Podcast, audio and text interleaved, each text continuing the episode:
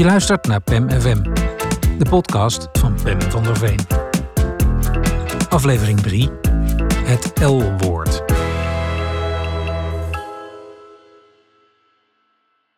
In mijn verder goede huwelijk was één ding dat een wicht tussen ons dreef.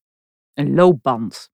Mijn man sleepte hem ons huis binnen. Log, loodzwaar, lelijk apparaat.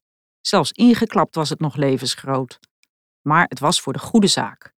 Een fitte, slanke, gespierde echtgenoot. Dus ik nam het obstakel voor lief. Wellicht onnodig te vermelden dat het misschien vijf keer gebruikt werd waarvoor het bedoeld was. Daarna deed het ding alleen nog maar dienst als wasrek voor het beddengoed. De enige lichaamsbeweging die mijn man nog dankzij de loopband kreeg, was door hem op mijn bitse bevel naar een andere kamer te slepen. Maar verdwijnen deed het apparaat niet. Acht jaar lang stond het ruimte in beslag te nemen, daglicht te blokkeren, stof te vergaren. Bijna dagelijks stootte ik mijn knie ertegen, mijn elleboog of scheen. Van een onding groeide de loopband uit tot een fel gehaat object, het symbool voor het falen van mijn man. Stevast als ik er langs liep, laaide minachting jegens hem in mij op. Slappeling, dacht ik dan, en erger. Een fitnessapparaat als bewijs van mijn verkeerde partnerkeuze. Zo werd de loopband in ons huwelijk het L-woord, het ding dat niet genoemd mocht worden. Dat kon zo natuurlijk niet langer. Dus toen ik voor de zoveelste keer aan een uitstekende schroef was blijven hangen, zette ik het apparaat woedend op marktplaats.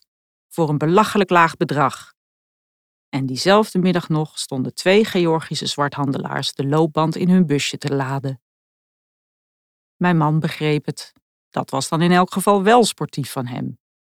Maar een beetje weemoedig was hij ook. Want voor hem was het apparaat altijd een baken van optimistische verwachting gebleven. Zelfs na acht jaar stilstand had het hem hoop gegeven. Hoop op een toekomst waarin hij heus wel zou gaan sporten en alsnog die fitte, slanke god zou worden. Een droombeeld dat nu voorgoed door twee Georgiërs uit huis was gedragen.